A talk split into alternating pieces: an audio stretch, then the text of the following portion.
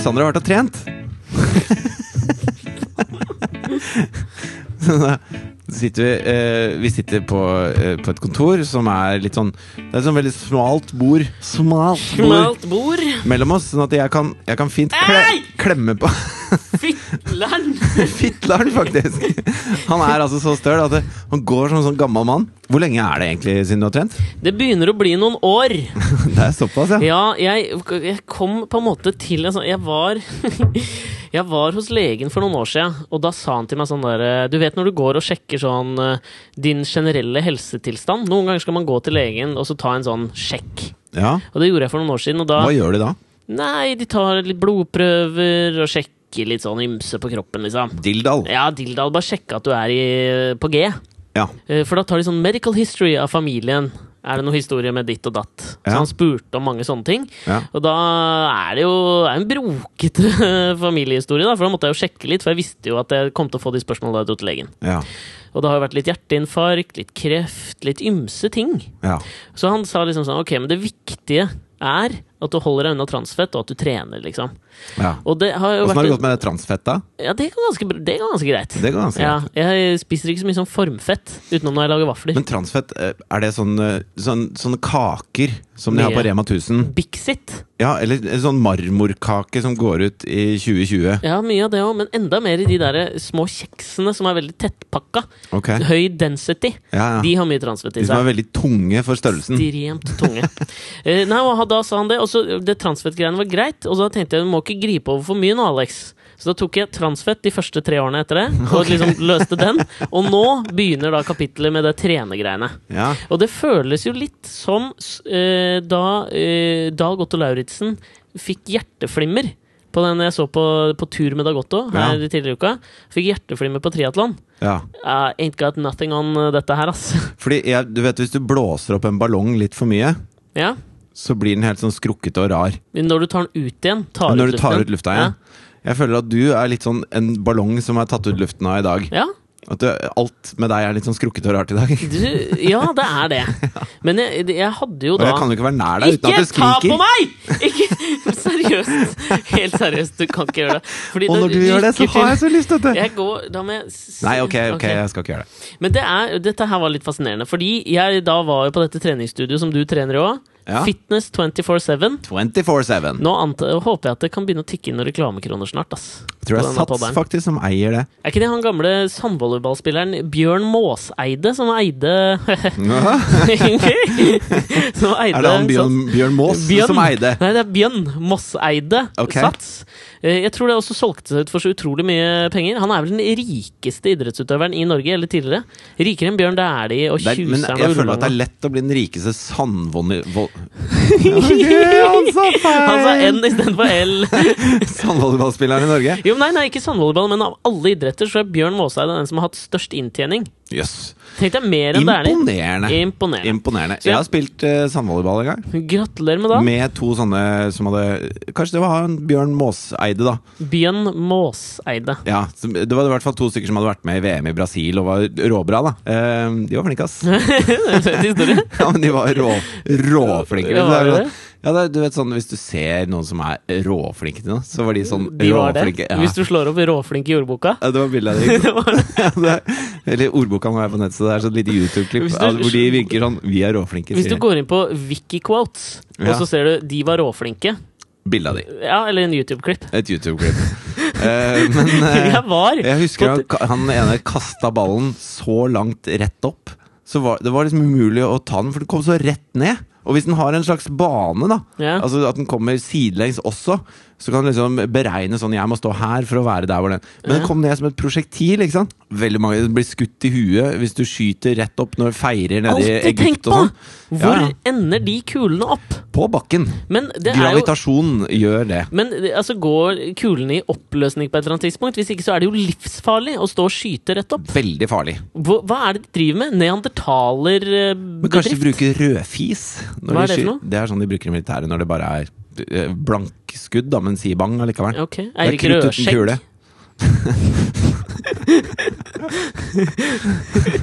Så jeg var på Fitness 24-7. Ja, Eier sikkert de har satt Nei, nå, det er Bermudatriangel! Bjørn. Jeg er fanget i en loop. Groundhog's Day! Bra film. Groundhog Day.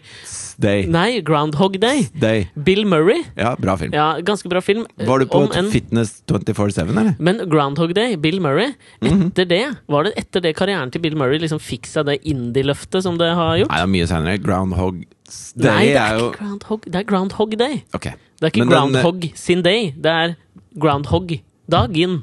Ja, det er grevling, er det det? Jeg vet ikke. Grevling? Er det liksom, det skulle jo kanskje vært elefantenes dag, tenker jeg, for elefanter glemmer jeg aldri. Nei. Så Du jeg var og trente. var på Fitness 24-7. Og det som var liksom oppladningen for meg til dette her, det var at jeg har lest, jeg har lest så mye om den derre Malaysian Airlines Flight 370 i det siste. Er det litt sprøtt at jeg sa Bermudatriangel det rett før dette her, litt det, altså. Det er Ja, det var det. Fordi, til de som ikke vet hva Bermudatriangelet er, da, så er det et uh, triangel som Et triangulært område Mhm. Ja. ved Bermuda. Hvor skip var kjent for å forsvinne, bare helt sånn ut i det blå. Ja. Og man mente at det var noe mystisk og magisk som skjedde der, da. Og det som har skjedd med denne Malaysian Airlines-flighten, er jo at den eh, styrta, tror de. Men det er ingen som har klart å, å finne flyet etter Nei, og nå søker de jo i en helt annen retning enn det flyet har flydd. Selv om Ja. de påstår at de ikke har fått noe eh, indikasjon på at det har flydd noe annet sted, så er både Nei. amerikanske og malaysiske og kinesiske fly som da søker et helt annet sted. Veldig skummelt. Er... Veldig mystisk. Og spesielt siden Kina og USA bare Nei, vi aner ingenting, vi bare leter her borte, vi. Ikke sant? 100 miles off eh, course på der de skulle flydd. Ja. Dette er fascinerende. Og det jo, dette leste jeg Og om dette er jo den travleste flygata som er i Asia. Flygata. Ja, men det heter Ja, det. det er sant, det. Ja, og da det går fly, det er hele tiden hundrevis av fly om dagen. Nå er du teit, ass. Men i hvert fall det går hundrevis av fly der. Mm. Sa jeg hundrevis? Tusenvis? Tusenvis, kanskje? Av fly der hver dag. Herregud. ja. Ja, og, og det, er, det er liksom Karl Johan, da. Det er en flyenes Champs-Élysées, vil jeg nok heller si. Champs-Élysées.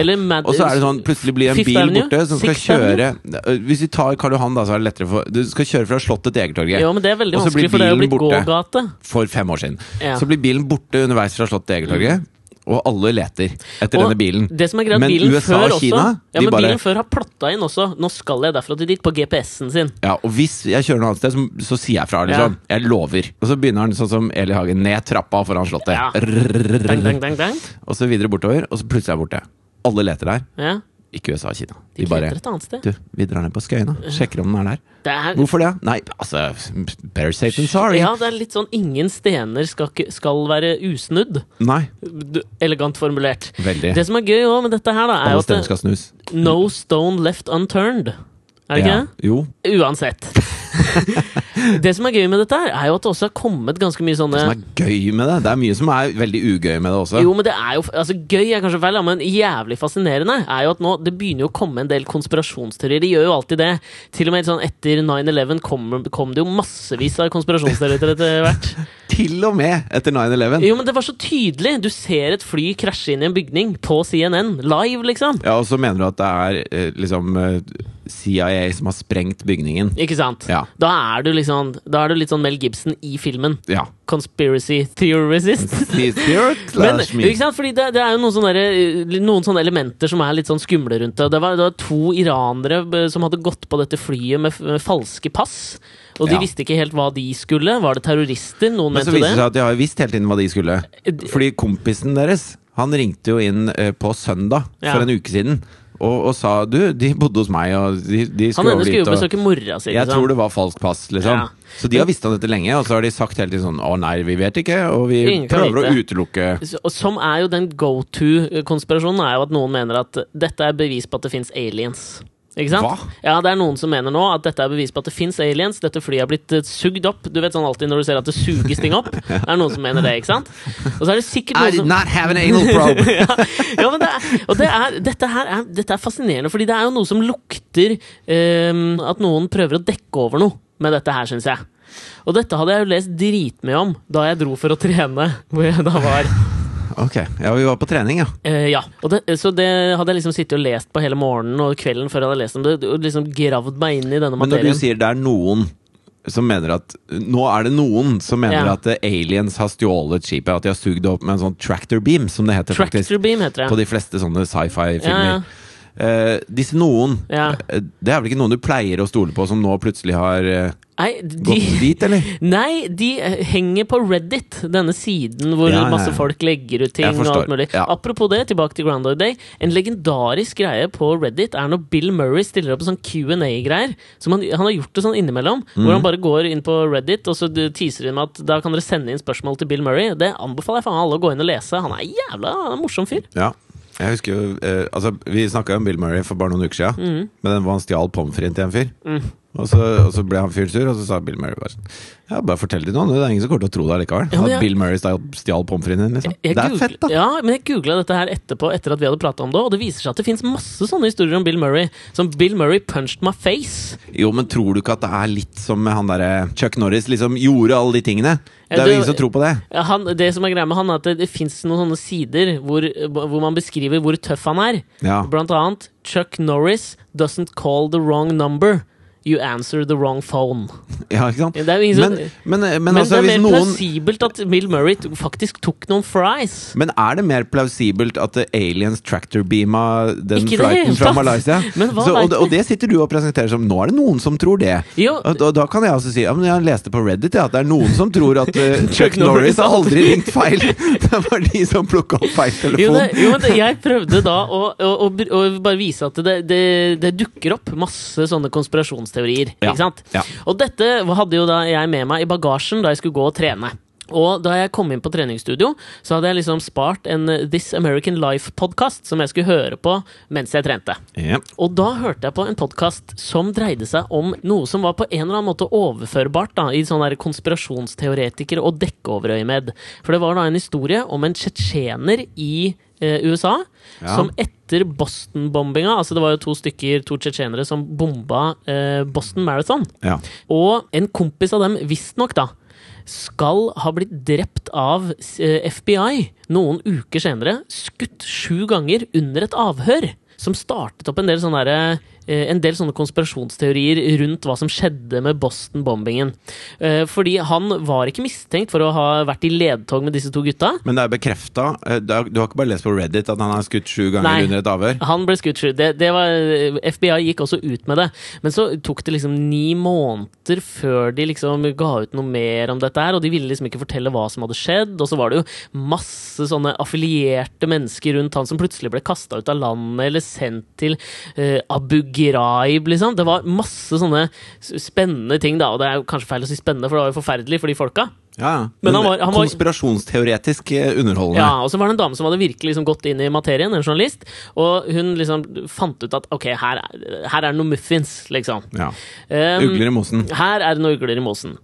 Og med dette her Og, dette Det er litt sånn dere jeg, jeg føler meg litt sånn slem når jeg nå går videre i denne historien. Ja, okay. Fordi når jeg er da på treningsstudio, hører på dette, har den Malaysian Airlines-greia i bagasjen, og så er jeg jo der ganske tidlig på morgenen, og det er ikke så mange der.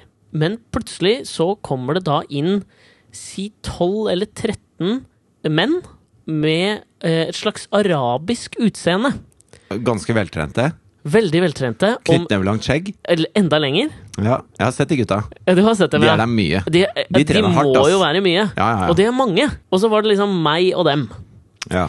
Og Og du står og gjorde sånne bulgarske utfall. Mens du sa ja, det var jævla vondt i rumpa, liksom, og det kunne jeg jo ikke si, for de så, lå jo og pusha benken, liksom. Ja. Og oppi det her, så merker jo jeg oppi hjernen min at det, jeg blir jo jeg blir litt nervøs.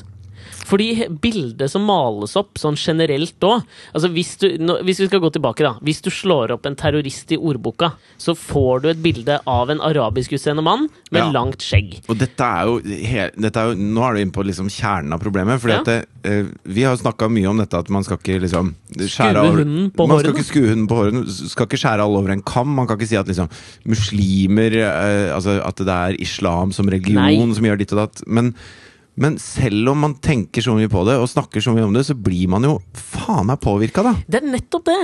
Og, dette, og jeg ble liksom skuffa over meg sjøl. fordi at jeg tenkte de Altså, jeg ble liksom litt sånn ble litt nervøs. Jeg skal jeg få juling nå, liksom? Skal det skje noe? Kanskje de hører at jeg hører på det? Skjønner de hva jeg tenker nå? Hvorfor ser jeg på dem? Skjø- Altså jeg, jeg tenkte alle de tankene, da. Ja, ja. Og det gikk litt baluba, og oppi sånn bulgarsk utfall som jeg ikke hadde gjort på tre-fire år, så var det Kroppen min var i en nedbrytelsesprosess fysisk, og så kom den psykiske tingen i tillegg. Ja. Og så har jeg jo da i tillegg på en måte advokert veldig tydelig at jeg er sånn veldig lite rasistisk anlagt. Ja. Har ikke noe liksom hang den veien. Eh, og se liksom samtidig denne uka, da, så, eh, eller forrige uke, så var han eh, Erik Schenken, som var han eh, ambulansesjåføren, Som som, ble frikjent, ja. Han ble frikjent i Og fikk Høyesterett. eh, erstatning. Ja, oppreisning fra Dagbladet fordi de hadde skrevet en del sånne kommentarartikler og lederartikler hvor de kalte han rasist. Ja, bare for de som ikke har fått med seg det, så var han Var det Sofienbergparken? Sofienbergparken, ja. Ali var- Farah het han uh, somalieren som ikke ble tatt med i ambulansen. Ja, for han var blitt slått ned av noen, mm -hmm. uh, og så var han så omtåka at han hadde visst eh, tissa på seg, og det var liksom Han pissa på skoene til han uh, ene ambulansesjåføren og var litt sånn ufin. Og det var veldig mye sånn tvil om hvorvidt det var fordi han var slått ned, eller hva det var for noe, men han var jo der med et barn, Ja, og, og, og lekte sin. og kona, og lekte i parken. Ja, men han hadde jo røyka hasj òg, da. De fant liksom sånn HTC i blodet hans, så det var liksom noen sånne elementer. HTC? Fant de en telefon i blodet Er hans? det ikke HTC, det derre elementet i hasjet. THC. HTC er en telefon. han hadde jo Altså, var masse Han hadde Nokia. svelga, han hadde injisert var faen ikke rart den fyren var psyko. Tok bilde bare klikk, klikk. Jo, det, men det, det var jo liksom noen sånne elementer som kanskje gjorde den saken litt mindre klar enn man skulle tro, da. Ja, de fant jo iPhone i urinen hans. Faen! Kommer ikke til å gi slipp på det. Og i avføringen en gammel Nokia Ja, men uansett, da. Ja. Så det, det ble jo litt sånn ramaskrik for at han ikke ble tatt med i en ambulanse. Ja. Fordi at det er på en måte en, en menneskerett. da Hvis du har skada deg, så skal ikke uh, ambulansesjåføren si at eh, vi gidder ikke ta deg med. Nei, ikke sant. Og det var jo hele eh, kimen til den konflikten. Også at Dagbladet kalte han rasist på lederplass og sånn. Det, var jo det var jo det de ble dømt for, på en måte. Ja. Hvor han liksom Jeg har sett noen programmer med han i etterkant hvor han liksom skulle fortelle historien sin, han ambulansesjåføren også, som følte seg veldig truffet, og sa at 'jeg er jo ikke rasist'. Sannhetens svir, vet du. Og så, ikke sant? Dette var noe jeg da tenkte på. Når jeg tenker disse tankene, overførbart til Erik Schenken, som da sier at liksom sånn, jeg er ikke rasist. Chelsea Handler, hun øh, amerikanske talkshow-verten nå, eh, denne uka ble beskyldt for å være rasist, og så sier hun jeg er ikke rasist, for jeg har vært sammen med 50 Cent, jeg har data han. ikke sant? Den dummeste unnskyldningen. Det er akkurat som den nynazistgjengen i Stokke som har med seg en sort fyr som Ja. de kaller for Neger-Thomas. Og da er de ikke rasister lenger. Nei, de er bare nynazister, og han er også nynazist av Neger-Thomas. Selvfølgelig. Ja. Inkonsekvent uh, nynazisme. Ja, men en det er en, det er en, eh, en slags uh, ideologi som er lett å stikke hullet på, dette nynazistgreiene. ja, det er det. Nok et eksempel òg. Christian Tybring-Gjedde som sier han ikke er rasist fordi han har, har uh, hatt venner som er mørkhudede, ikke sant. Han har kjøpt horer i Praha. Er ikke rasist da? Alle Altså, kvinner over en kam? Jeg, jeg sier ikke at han har gjort det. At uh, Han kunne ha gjort det. han, ja, Han kunne ha vært med Bård Hoksrud til Praha og kjøpt hore. det kunne han helt fint. Men her, dette har jo fått meg til å tenke, da. Tror du han kaller den for gjedda si? Nei, jeg har ikke han noe lyst til å tenke tanken. At Nei, drar ut gjedda? Ferskvannsfisken? Nei, vet du hva, det gir noen bilder i hodet. Det er den siste mannen du har lyst til å se i øynene når han kommer. Nei. nei, nei, nei. Men dette har fått meg Hvem er det du har lyst til å se i øynene når Nei, ok, vi 50 går videre. Cent. Fi- Ok, Ja, hadde vært gøy, tror jeg. blir spylt ned av Ja, 50 føler Cent. 50 Vi må videre. Jo, men tror du ikke 50 Cent har en sånn derre Patrick Bateman, er ikke det han er hovedpersonen i eh, American Psycho-boka til Brett Easton Ellis? Jo. Så han står i filmen også, så står han veldig sånn og peker og liksom flekser i speilet når han har sex med alle disse random damene. Ja, han Sånn tar en slags sånn, 50 sånn derre eh, Usain han- Bolt. Usain Bolt-pose Ja. mens han Ja. Jeg føler at 50 Cent har, han kan ha hang til å gjøre poses. 50 Cent har speil rundt hele soverommet Og han har òg i taket, liksom. Ja, ja, ja. Ja. Og på en skjerm ved sånn siden av. Har du sett de med sånn sykkelhjelm som har sånn lite sidespeil hengende ned fra sykkelhjelmen? Som er på størrelse med et kronestykke? Nei! Sånn har 50 Cent på seg. Hva er det godt for? han ja, Det er jo sidespeil, da, sånn at du kan se om det kommer noen biler bak mens du sykler. Å ja, nå så jeg for meg sånn i Tour de France. Nei, nei, altså du du ser de mosjonistene rundt i Oslo. Faren din? Pappa. Type pappa. Ja. Har sånn hjelm, og så henger det to sånne speil ned, ett på høyre og ett på venstre side, som henger liksom Nesten som to briller, bare for langt ut, liksom. En monokkel som har bomma på øyet? Ja, Og det er det, er sladrespeil. Sånn at du kan se om det kommer noen biler bak. Jeg er sikker på at 50 Cent har på seg en sånn hjelm med sånne speil, sånn at han skal kunne se seg selv bakfra mens han ligger oppå en dame og tar Nyte henne. rumpa si. Stramme Ja. gluteus maximus. Og det kunne jeg ikke gjøre nå! Det var jævlig vondt! Så, Du var på treningssenter ja. og så på deg selv i speilet med sladrespeiler Med bulgarsk utfall. Ser som er harde for gluteus maximus. Ekstremt harde. Ja. Poenget med alle Har du disse sånn eksemplene tights på deg når Nei, jeg har ikke det. Jeg har shorts. Ok. Her var poenget mitt. eh, Som jeg eh, klarer å formulere ut i et spørsmål som jeg ikke kan svare på sjøl. Ja. Fordi her mener jeg at hele poenget med de eksemplene jeg ga nå, er jo at hvis du si, altså, du kan gjøre en del handlinger som på en eller annen måte er eh, De er rasistiske. Jeg synes, altså Det Erik Schenken gjør der, er Jeg tror det er altså sånn, Nå skal jeg være jævla forsiktig, da. Men jeg tror ikke det hadde skjedd hvis det hadde vært en, en middelaldrende hvit mann fra Vinneren som Nei. man skulle plukke opp Med HTC i blodet. med Nokia 32.5 i blodet. Eh, jeg, jeg tror ikke eh, Altså sånn eh, At Tybring-Gjedde viser Nei, tilbake det, på at det er jo samme greia som du sier, at når de kom inn på det treningssenteret, Ja. så har du fått med deg fra, fra samfunnet rundt deg ballast. en, en ballast som sier at dette er truende mennesker. Selv om det de helt sikkert ikke er det. Altså, jeg har prata med flere av dem, Ja. og det, de er jo bare, det er bare folk som liker å trene, liksom.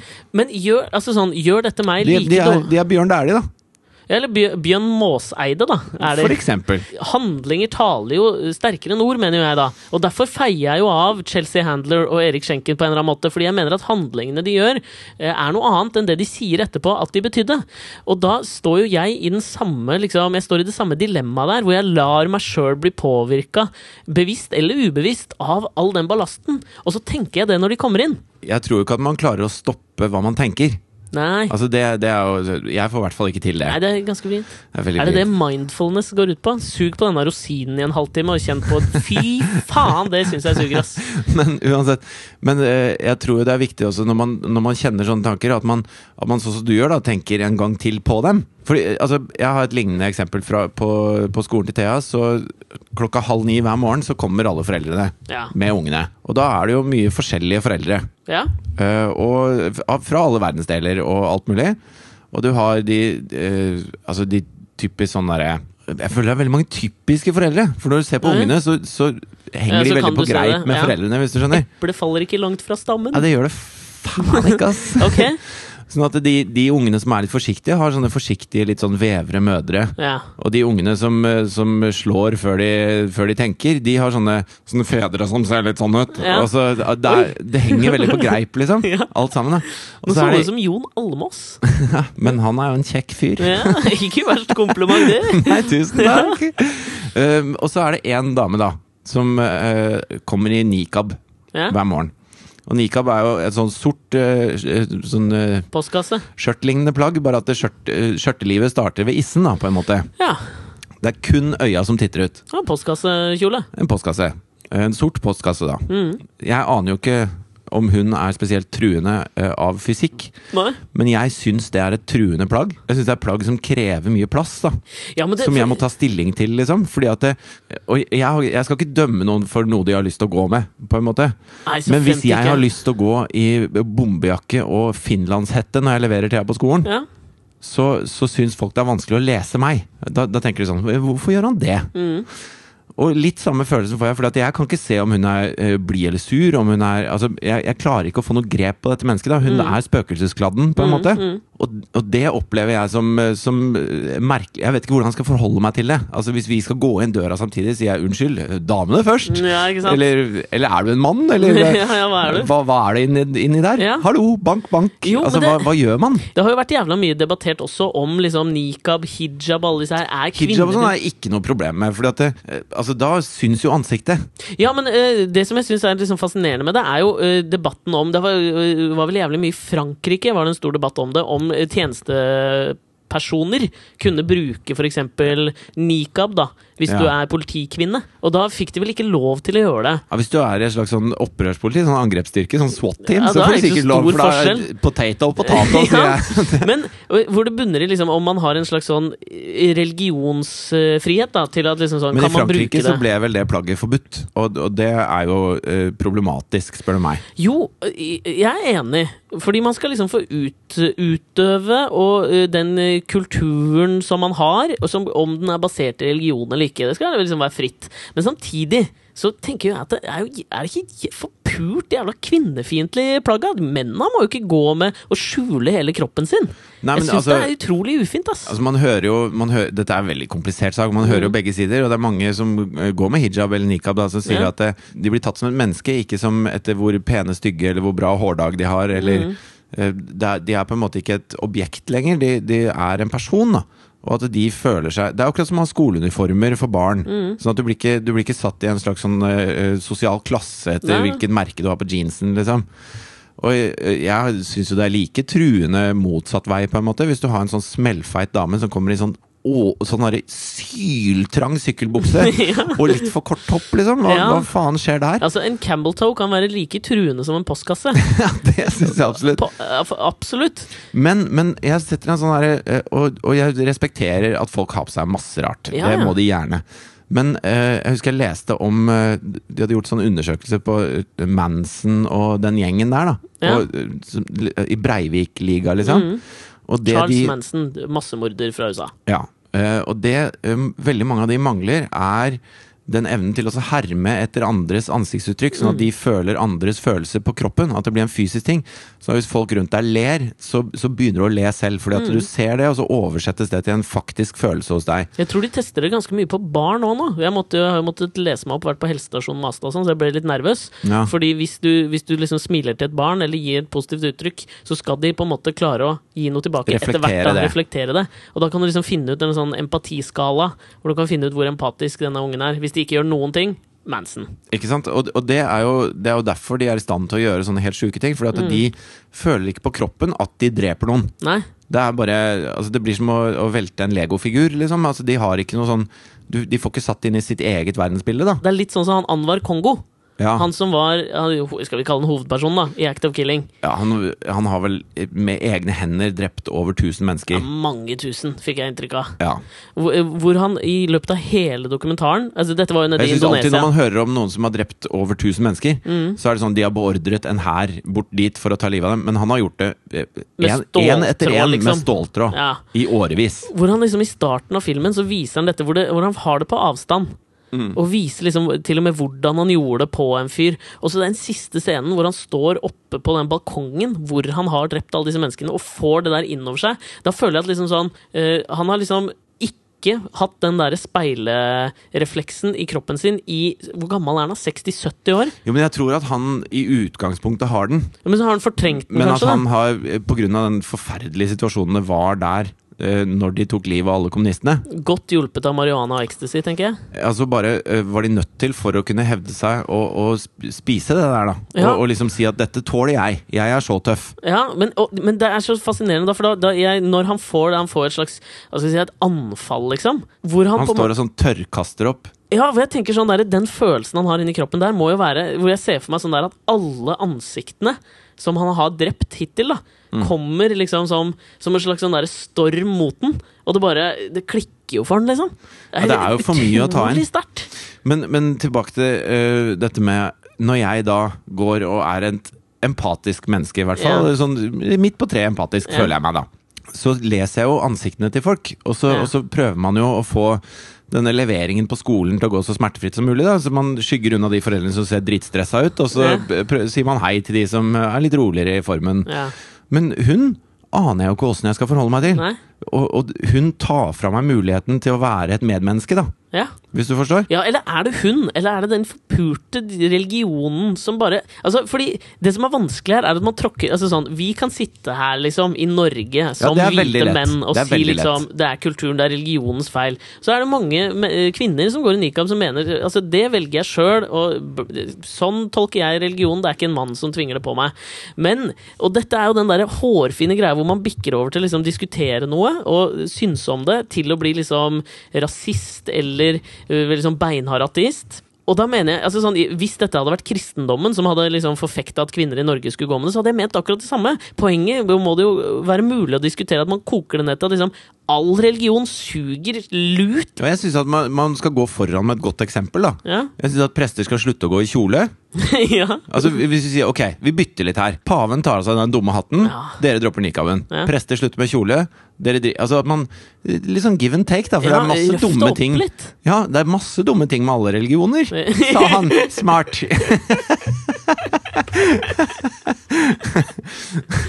Eller kanskje jeg bare skal begynne å gå med finlandshette når jeg leverer Thea? Ja, vet du hva? Dette må du gjøre en dag. Nei, en dag på skolen. Smell på deg en bomberjakke. Og så, du, kan få lov å Du må i hvert fall i løpet av Du kan ha det som en sort lue. Jeg kan men gå med solbriller. Det er så langt jeg strekker meg. Nei, so, ok, solbriller, og så må du brette opp et skjerf og ha på sort lue, sånn at det bare solbrilleøya syns.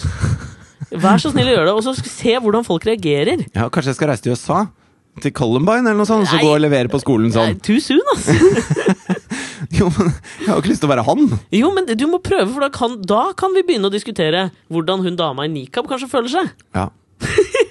ja, Det skal du gjøre fram til neste ukes podkast. Nei, det skal jeg ikke gjøre. Det kommer jeg ikke til å gjøre. Jo, prøv, Det kan du da. bare drite i. Ok, men da må jeg gjøre det, da. Nei, det, du, ingen, ingen skal møte opp på skolen til Thea med bombejakke og finlandshette. Det kan du bare drite i. Nei, men Drit i finlandshette, da, men du skal dekke til huet ditt ganske mye. Altså, du kan Jeg kan ta en brun papirpose med to hull til øynene. En sånn Shia LeBuff, I'm not famous anymore-papirpose. Litt sånn. Å, kan du ikke gjøre det? Det hadde vært gøy! Kakekrigen Fridtjof på Og så skolen. I'm not famous anymore.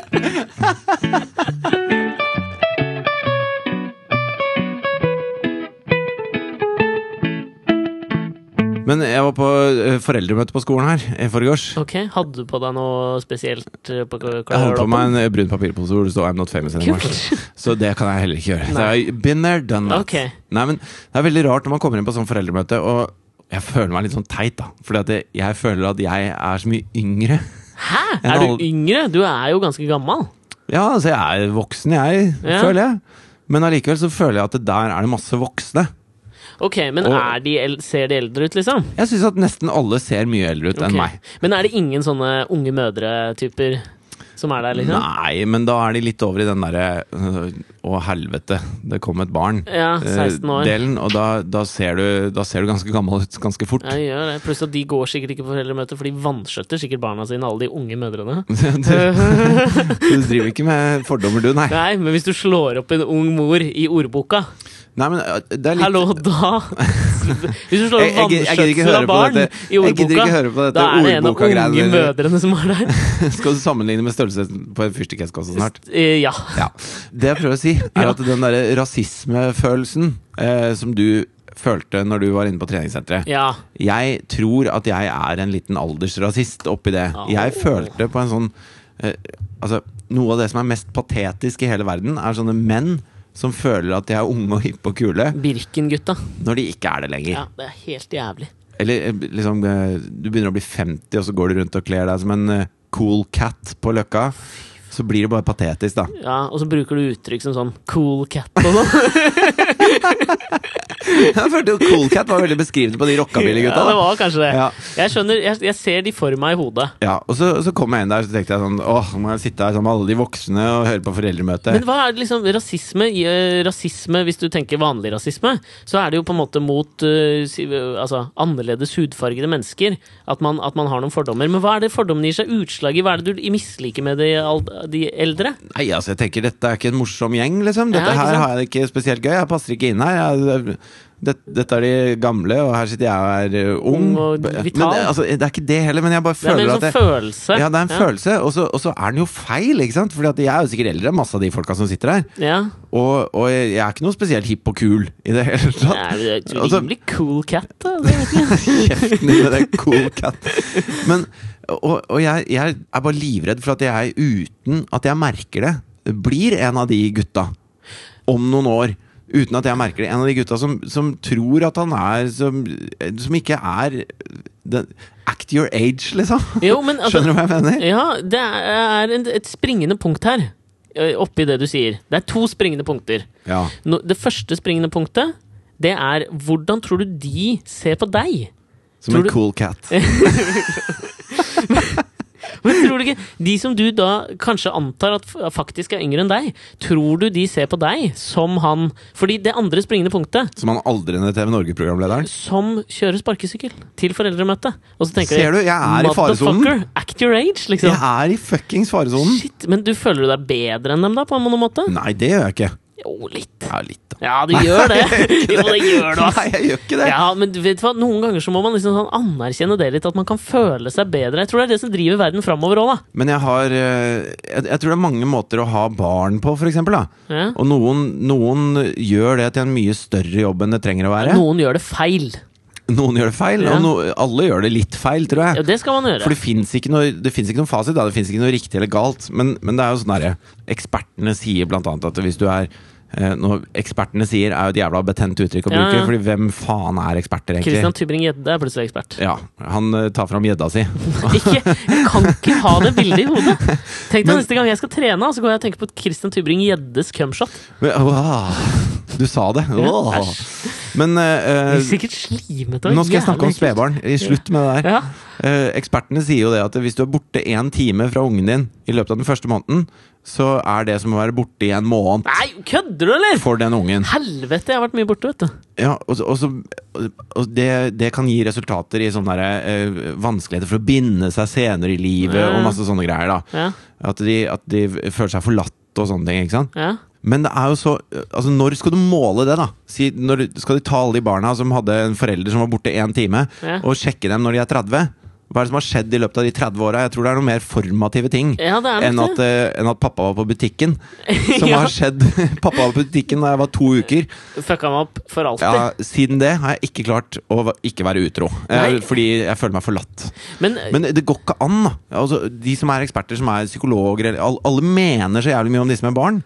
Og, og det er ingen som kan si at sånn er det eller sånn er det ikke. nei, jeg tror Det er noen ting Jeg hørte på en sånn eh, Jeg hørte på en sånn podkast som het eh, Brainy Babies. Altså hvordan få deg en brainy baby. Har du begynt å abonnere på noe så jævlig nerdete? ja! Okay. For jeg tenker jo Jeg tenker jo litt i den der Altså No stone left unturned i denne oppdragelsesprosessen. Når du sier det, Ja, så kjenner jeg igjen eh, den typen din ja. på foreldremøtet. Og hvem er jeg, ja? Du er han som sitter forrest, og som rekker opp hånda og stiller spørsmål om ditt eget barn når det er foreldremøte Nei! for foreldrene til første til fjerde klasse. Nei, vet du hva, det tar man man i elevsamtalen. Julian kom hjem her eh, Nei, nei, han skal Eller kan jo ikke si det, det ennå. de, det er de som har hørt på Brainy Baby fra starten og skal bare For det er sånne Du skal ha sånne nasjonale prøver, da. Ja, For noe forbanna tull, ja. Opp til femte klasse så er det bare kartleggingsprøver, så det er ikke noen karakter eller noen ting. Man skal bare se om du Kan om du, lese. Heng, om du henger med i pensum, rett og slett. Og det er ikke for å si at du, du er dårligere eller bedre, men det er bare for å sette inn ekstra trøkk på de som ikke henger med, da. Mm. Og for å finne ut de som ligger uh, på et høyere nivå. Altså de som uh, kan for mye for det, der hvor de skal være. For mye. Ja, for Du er kan for mye. Ja, du kan for mye. Sorry, Mac. For hvis du kan for mye, så er det ikke noe utfordring. Og da, Nei, nei. da lærer du deg ikke gode arbeidsvaner, og da går du glipp av skolegangen din. Mm. Sånn at det, det er for å tilpasse seg barna, ikke for å gi dem en karakter. da Nei. Er, Og når de begynner å snakke om sånne prøver, så sier de liksom ja, for første til tredje klasse så dreier det seg om eh, sånn og sånn tekst, og så har de så og så lang tid på seg, og sånn. Og du ser bare foreldrene bli rettere i ryggen, ja. fokusere framover, og bare Og så kommer den første hånda med en gang. Så bare Hvordan øver vi på dette hjemme? Den kommer, ja. Ja, den kommer. For Mm. da skal de prime ungene sine, sånn at de gjør det best mulig på den testen. Sånn at de Som ikke kan har karakter. Ja, sånn at de får sånn smart barn-svømmeknappen som de Ja. kan feste på skjorta si. ikke sant? Ja, Så alle har jo lyst til at ungen skal være så smart som mulig.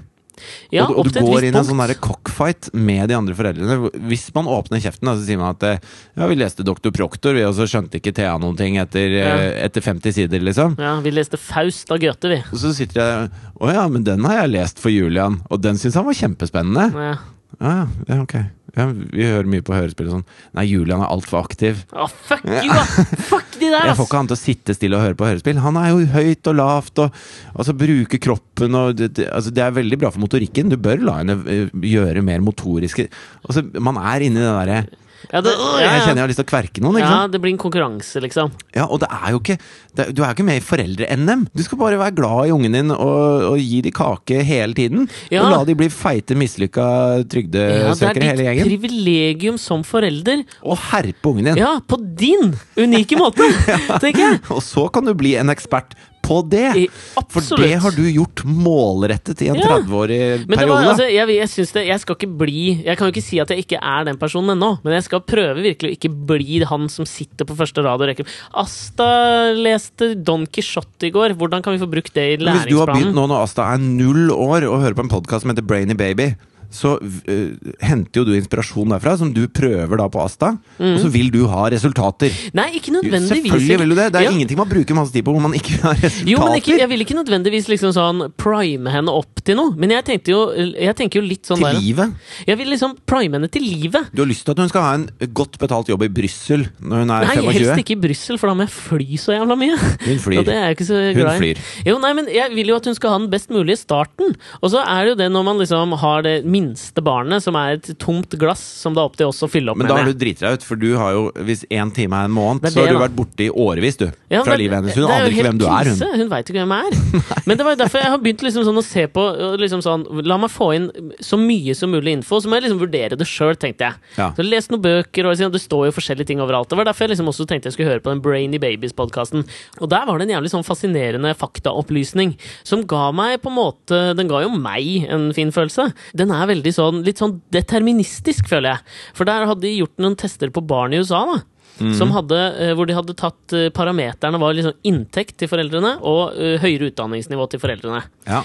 Og de som da ble klassifisert i den høy utdanning og inntekt-klassen, da, kontra de som ble klassifisert i lav, barna deres, når de begynte på skolen, hadde en 500% sånn forskjell i hvor mange ord de hadde hørt. Sånn at den som var i den høye gruppa, hadde hørt da f.eks. 500% flere ord enn det den i den lave gruppa hadde hørt. Ja. Og da, etter tre uker, mente de å kunne måle hvem av de ungene som ville finish college. Ja. Og det mente de liksom stemte på en såkalt prikk! Jo, men ingen regler er uten unntak. Og det, det er det som er så jævlig farlig med disse testene som man gjør på altfor små barn. Da. Er man, det, er, det er akkurat som å ta vekk den eh, frie viljen, på en måte. Ja. Man sier at eh, ok, løpet er kjørt for deg. Du har hørt for få ord, din fireåring. Ja, ja. Du er fucked. Jo, Du kommer til å gå på trygd. Og det, og, og det mener jeg er helt feil, da, for man kan snu Altså, øh, Nå motsier jeg meg selv bitte litt, men men kan ikke jeg bare få lov Ja, til det? Altså, jeg mener at man alltid kan snu ting. Ja. At uh, uansett hvor man er i livet, da, så, så må man aldri bare akseptere den man er akkurat der og da. Hvis man Nei. vil et annet sted, da må man prøve å snu det. Ja. Og, og all data snakker jo imot meg, jeg vet jo det. Ja. At, eh, at eh, de fleste som blir født inn i en, eh, et inntektssjikt, da. Mm. De har barn som fortsetter i det inntektssjiktet, Mm. og vice versa.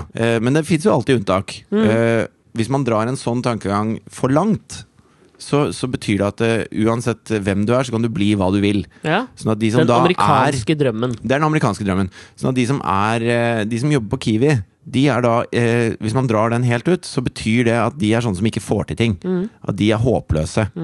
Men det trenger ikke å være sånn.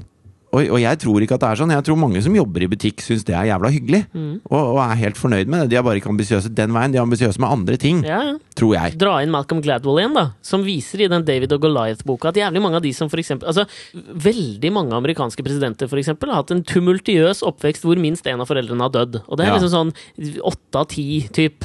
Ja. Og veldig mange store næringslivsledere i USA har dysleksi-type. Som jo i utgangspunktet er en sånn ufordelaktig start på livet, men hvor du liksom bruker da det, det som er din ufordel, Ja. til noe positivt. For da blir du eksellerer du på andre områder. Ingvar Kamprad, blant annet. Ikea-gründeren. Ja, han var, hadde jo dysleksi. Mm. Og han hadde også en sånn, eh, som Malcolm Gladwell snakker om, en, Ja. en grunnleggende evne til å, å være Gi upopulært. Faen i folk! Ja, han gir helt faen. Ja.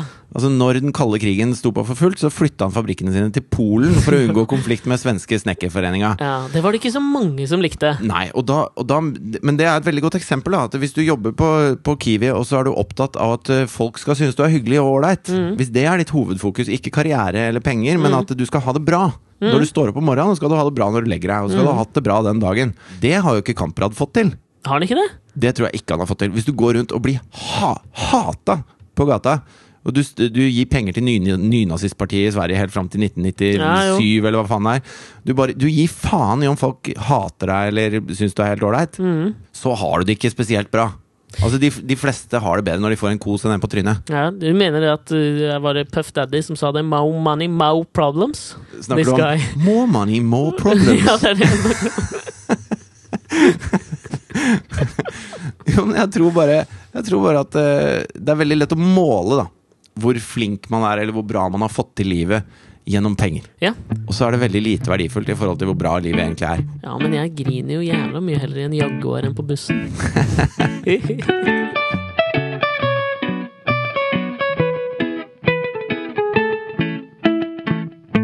Du har hatt en weekendtur til Berlin i denne foregående helgen. Berlin! Europas mekka. Ja. Jeg var litt sånn spent på det, fordi jeg har jo et veldig tett og nært forhold til Berlin. Vært der veldig mye. Veldig glad i Tyskland. Ja, Og derfor lurte jeg litt på For du har aldri vært der før? jeg har vært der i ett døgn. Altså, Ja. Jeg gjorde en spillejobb der. Ja, og da fikk man liksom ikke med seg så mye. Cool cat, ass. Vært og gjort en gig i Berlin. Skatehalle i Øst-Berlin. Veldig sånn nedtagga sted. Ja, Veldig kult sted. Ok, hipt. Jævlig hipt. Mye cool cats i publikummet. Ja. Ja. For, men få høre litt. Hva opplevde du? Du ha Jeg har, liksom, har så lyst til å tappe inn i denne liksom, Berlin-følelsen. Nei, altså eh, Fordi vi kan vel si Sorry, for vi kan vel si på en eller annen måte Har Berlin blitt en slags sånn hipster Kan vi si litt hipsterhovedstad i Europa? Veldig Berlin er jo veldig bresjen når det gjelder liksom, kunst, litt sånn avantgarde Ja. og, og arkitektur og mat, og de har masse sånne greier hvor de pusher litt grenser, da. Mm. Eh, Torgrim Eggen har skrevet en bok om eh, Berlin. mm, Eh, Han har, skrevet, han har skrevet noen slags sånn kulturhistoriske bøker over Manhattan. Har han skrevet, Og så kom Berlin nå i fjor, tror jeg. Hvor han skriver at eh, folk som ikke liker Berlin, de har ikke lest nok historie. Og det syns jeg er et litt sånn vektig poeng. det er jo en by som eh, preges noe jævlig av muren, og, og øst og vest. Ja. Eh, og det er jo for oss som kommer dit en helg, liksom, så er det Mm. en Det gir byen en sånn tyngde, da. Ja, ja. Som, som man kjenner på kroppen. Ja, du du går de der og folka- føler at det, det, er et, eh, det er noe de lever med hver dag fremdeles. ja, ja. Og det er, når du står der og ser på Du står ved liksom Checkpoint Charlie, da, og så ser du på restene av muren og sånne vakttårn og sånne ting. Altså, Kjøpte du en sånn liten bit, eller? Nei, jeg gjorde ikke det. Ja, jeg har det, altså. Men du gjorde det, ja. Ja, ja. Men så føler du at eh, dette er lenge siden, på en måte. Mm, Selv om du vet at muren ble tatt ned i 1990. mm. Og, men når du leser 1990 der, når du står der og leser 1990 og ser så, så plutselig du får en sånn følelse av at dette er nå også. Ja. At dette er ikke så jævla lenge siden. Og, og vi i Norge, vi tenker jo Eller vi i Norge, akkurat som jeg vet hva vi i Norge tenker. Jeg! Når, når man snakker om liksom, eh, Russland i Ukraina, og dette kan bli tredje verdenskrig og sånn, Mm. så tenker jeg sånn Å, shit, ja, dette må vi passe oss for. Men inni meg så tenker jeg sånn Det blir ikke noe krig. Nei, man gjør det. Det blir jo ikke noe krig. Altså, folk er jo ikke så gærne at det blir krig. Nei.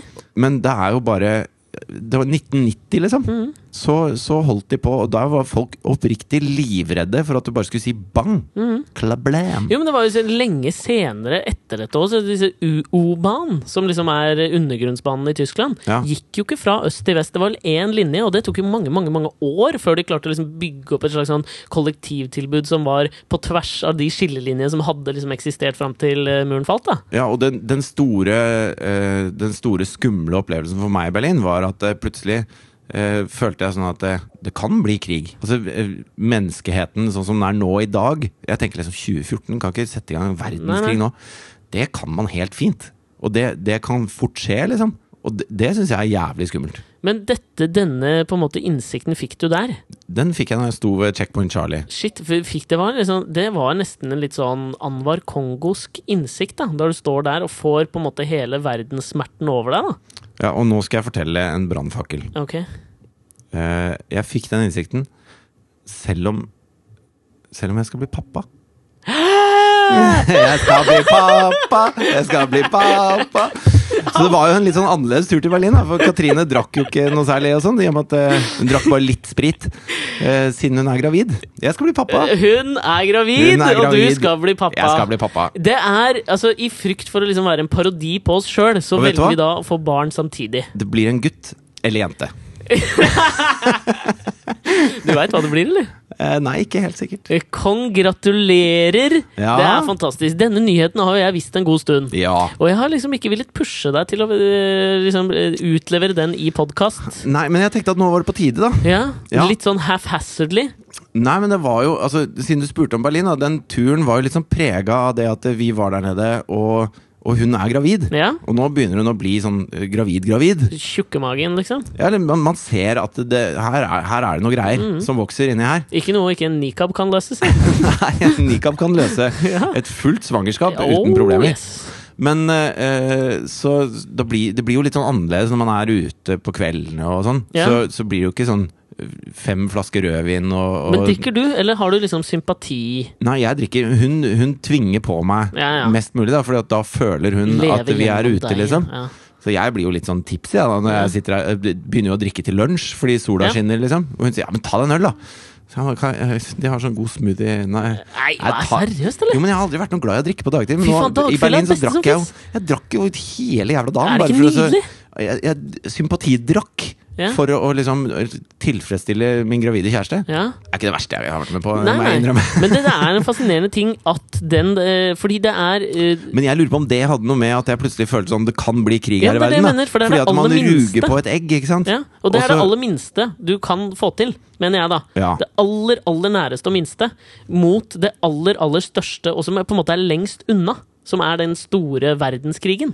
Ja, ikke sant? Og, og det var bare den eh, kollisjonen av store ting mm. som, som eh, for meg gjorde at Berlin var en sånn stor opplevelse, da. Ja, hvis jeg skal øse litt av min lange, seks uker lange visdom som småbarnsfar til deg, Ja. så kan jeg si det at for eksempel så hadde jeg nå planlagt i flere dager å se Between Two Ferns med Barack Obama. Zack Alfinakis sitt sånt Det er vel et syv minutters TV-program, kanskje? Fikk sett det i går natt.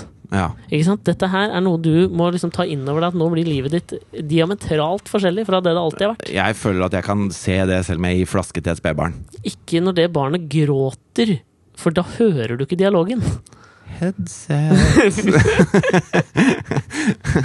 Pragmatisk far. Nei, men altså eh, Jeg veit jo hvordan dette er. Jeg hører jo skrekkhistorier, og jeg hører, jeg hører det nydeligste og det mest forferdelige. Jeg aner ikke hva som møter meg. Nei, Men det eneste jeg vet, er at det kommer til å møte meg. Jeg skal si Om ikke så altfor lenge. Den følelsen er på en måte akkurat den følelsen du har når du står på Checkpoint Charlie og får dette innover deg. Denne slags På en eller annen måte den Weltschmerz 2.0 får du inn der. Det er det å få barn. Det er Weltschmerz 2.0. Idealene om hvordan du tenker verden skal være, kontra den harde realiteten om hvordan verden faktisk er. Så du mener at det er, det er dypt ulykkelig samtidig som det er ekstatisk glede? Samt, det er helt samtidig. Da har jeg opplevd To det. parallelle Jeg har opplevd det én gang. Hva skjedde? Du Da- lå med 50 Cent under et speilbilde av Gluteus Maximus. Nei, jeg lå med Katrine, og så samtidig kjente jeg penisen til Tybring-Gjedde presse seg Nei da, det var smerte og nytelse på en gang. Nei, men altså, eh, når jeg, når jeg og Katrine skulle fortelle til Thea at hun skulle Ja. bli storesøster, så, eh, så Som jo er litt sånn skummelt, tenker jeg. Man vet ikke helt hvordan Ja. man, barn vil reagere på det. Nei, for eh, altså, Thea er jo vant til å være eh, den lille prinsessen, ikke sant? At hun får all oppmerksomheten hun trenger. Mm. Eh, og hun skjønner at det ikke blir sånn når hun får en, en liten et eller annet. En liten bror eller søster. Bror eller søster. Veit du Eh, det, eller? Vil du ikke si det? Nei, jeg veit ikke. Eh, Lover du? Ja. Eh, Ellers så kunne jeg fint sagt det. Ja. Eh, men så, så sier vi til henne at eh, du skal Rundt middagsbordet, liksom. Mm. Du skal bli storesøster. Men hvordan hadde dere lagt opp det, liksom? Var det bare vi, rett vi hadde ned? vært litt smarte, eh, men er, jeg vet ikke om det er smart eller noe. Vi hadde kjøpt okay. en bok som het 'Endelig storesøster', så vi okay. ga henne den boka mens Fan, vi spiste kjøpt, middag. spilt Her har vi en liten podkast du kan høre på. Den heter Brainy Babies. Tar du hintet? Nudge, nudge. Ja, men hun tar ikke hintet, Så når vi ga henne den boka, så sa hun den så litt barnslig ut. Okay. Ja, men Les hva den heter, altså. 'Endelig storesøster'. Ja, Fortsatt eh, litt barnslig bok, liksom. Okay. Og så, ja, men eh, du skal bli storesøster. Sa dere det så bardust? Ja. Hvem sa det? Du eller Katrine? Eh, Katrine sa det. Ok. Og da eh, Nei, jeg husker ikke hvem som sa det. Men I hvert fall så snur hun seg mot Katrine, og så sier hun Er du gravid?! Og så løper hun ut av rommet, da. Ja, så hun har fått med seg gravid, ja? Ja, hun, ja, ja. Å ja. ja. Og, og da er det liksom Alt knuser, da. Ikke sant? Ja. Det, er, er veltsmerkt. Ja, det er, Weltschmerz, ja. helt hylgråter liksom ut i senga, og vi Ja. løper etter og prøver å si ja, men dette er jo, dette er jo flott, og dette er noe vi tre dag. gjør sammen, og dette er en god nyhet, liksom. Og så ligger hun der, og så snur hun seg opp mens hun gråter, liksom, og så sier hun Har dere sexet?! og vi bare knekker sammen, da, ikke sant? Og, og da skjønner hun at det er morsomt, så hun begynner også å le. Mm. Og så kjører hun videre på det med sexet, da. Oh. Så hun bare sånn Når var det dere sexet? Og jeg sitter der og bare Det er ikke det vi snakker om nå i det hele tatt. Og det, det spiller ingen rolle. Hun kan, Dere må si ifra neste gang dere skal sexe! Og jeg bare Nei, nå er det nok med den sexinga. Ikke snakk mer om det. Og så begynner hun sånn Kan vi sexe? Nei, nei, nei. nei, Og jeg bare Nei, nå! Nå stopper det. Du får sånne bilder fra jakten med Mads ble, da ble jeg streng, liksom. Ja. Så sa jeg at det, det er ikke altså, Du må være 16 år gammel Ja, for å sexe. ja. Og en eller annen gang så begynte jeg å bruke men- ordet sexe. Ja. Og det var fordi jeg hadde ikke lyst til å si knulle til henne. Jo, ja Nei! Nei, men i hvert fall så sier jeg Du må være 16 år for å kunne sexe. Det står i loven. Ja. Sånn at dette skal ikke du tenke på de neste ti årene. ja, Punktum, liksom. ja. Det er Men tror jo du ikke det blir, at det blir en slags da, sånn forbuden frukt? At du liksom, når du ikke Jo, får men lov det til kommer det til å bli uansett. De, Ja. Det er jo tydelig jo at de snakker forrige, om dette på skolen. Om det gjør Forrige ukes podkast ble jeg litt bekymra over den klininga hun drev med med han Jo. Ja, de har sett det på NRK oh. Super, da. ikke sant? Trodde jeg skulle si eller de har annet. sexet. Nei, nei. Dette Kan ubehagelig. jo ikke sexe. Sexing fungerer ikke for seksåringer. Nei, det gjør ikke det. Og godt er det. Ja. Så hun Så når hun begynte med det, da, så fikk vi jo helt lættis. Ja. Og, så, og så ble alt bra igjen, liksom. Okay. Så det var, da, Men da fikk man den gleden. ja, Men så gleder hun seg nå, da. Nå bli gleder hun seg veldig. Okay. Men hun kommer sikkert til å gå på en relativt stor smell når den ungen kommer. Tipper det, ass. Ja, ja. Men hva vil hun ha altså, Det er jo sånn- litt som om Katrine skulle komme hjem, så bare Jeg har blitt sammen med eh, Bjarne også, jeg. Ja. Han skal bo her sammen med oss. Bjørn Måseide. Hils på Bjørn Måseide. Det er din nye stefar. Prøv å ikke se han i ansiktet når du kommer. Nei!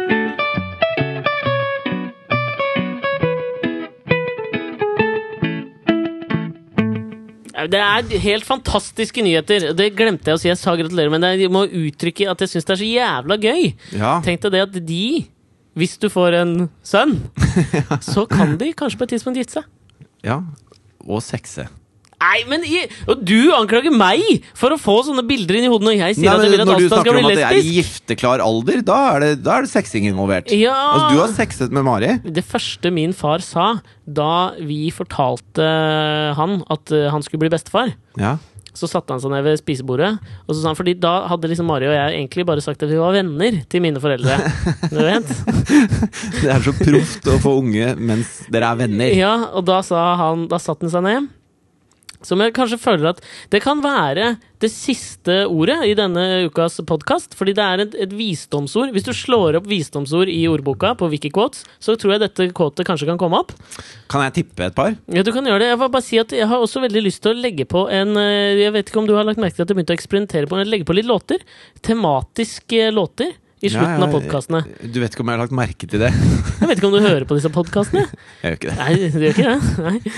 Ikke jeg heller. Jeg er her nå, Ja. liksom. Eh, som jeg syns kanskje beskriver litt, og det var jo da, siden vi har prata litt om Berlin også, og en slags reise du begynner nå, syns vi skal da legge på låta til Iggy Pop, som han skrev da han bodde i Berlin sammen med David Bowie på hva, slutten 70-tallet, kanskje? 60-tallet? Ja, nei, det var seinere. 60-tallet? Ja, ja, 60-tallet. han skrev The Passenger, kanskje hans, en av hans mest kjente låter. Ja, da han satt på eh, O-banen og så ut på denne byen som har gjennomlevd alle disse traumene, men samtidig kommet opp som en kjempe. Ja. Så skrev han The Passenger, og den kommer nå etter dette visdomsordet, som du skal få lov å prøve å gjette litt på først. Toppen av latskap, Alexander, er å legge sæden på sin rette plass. Nei, var ikke helt. Har du lyst til å prøve en til? Har dere sexet? Det var en liten avart av Har dere sexet? Ja. Det var Venner knuller ikke. I am the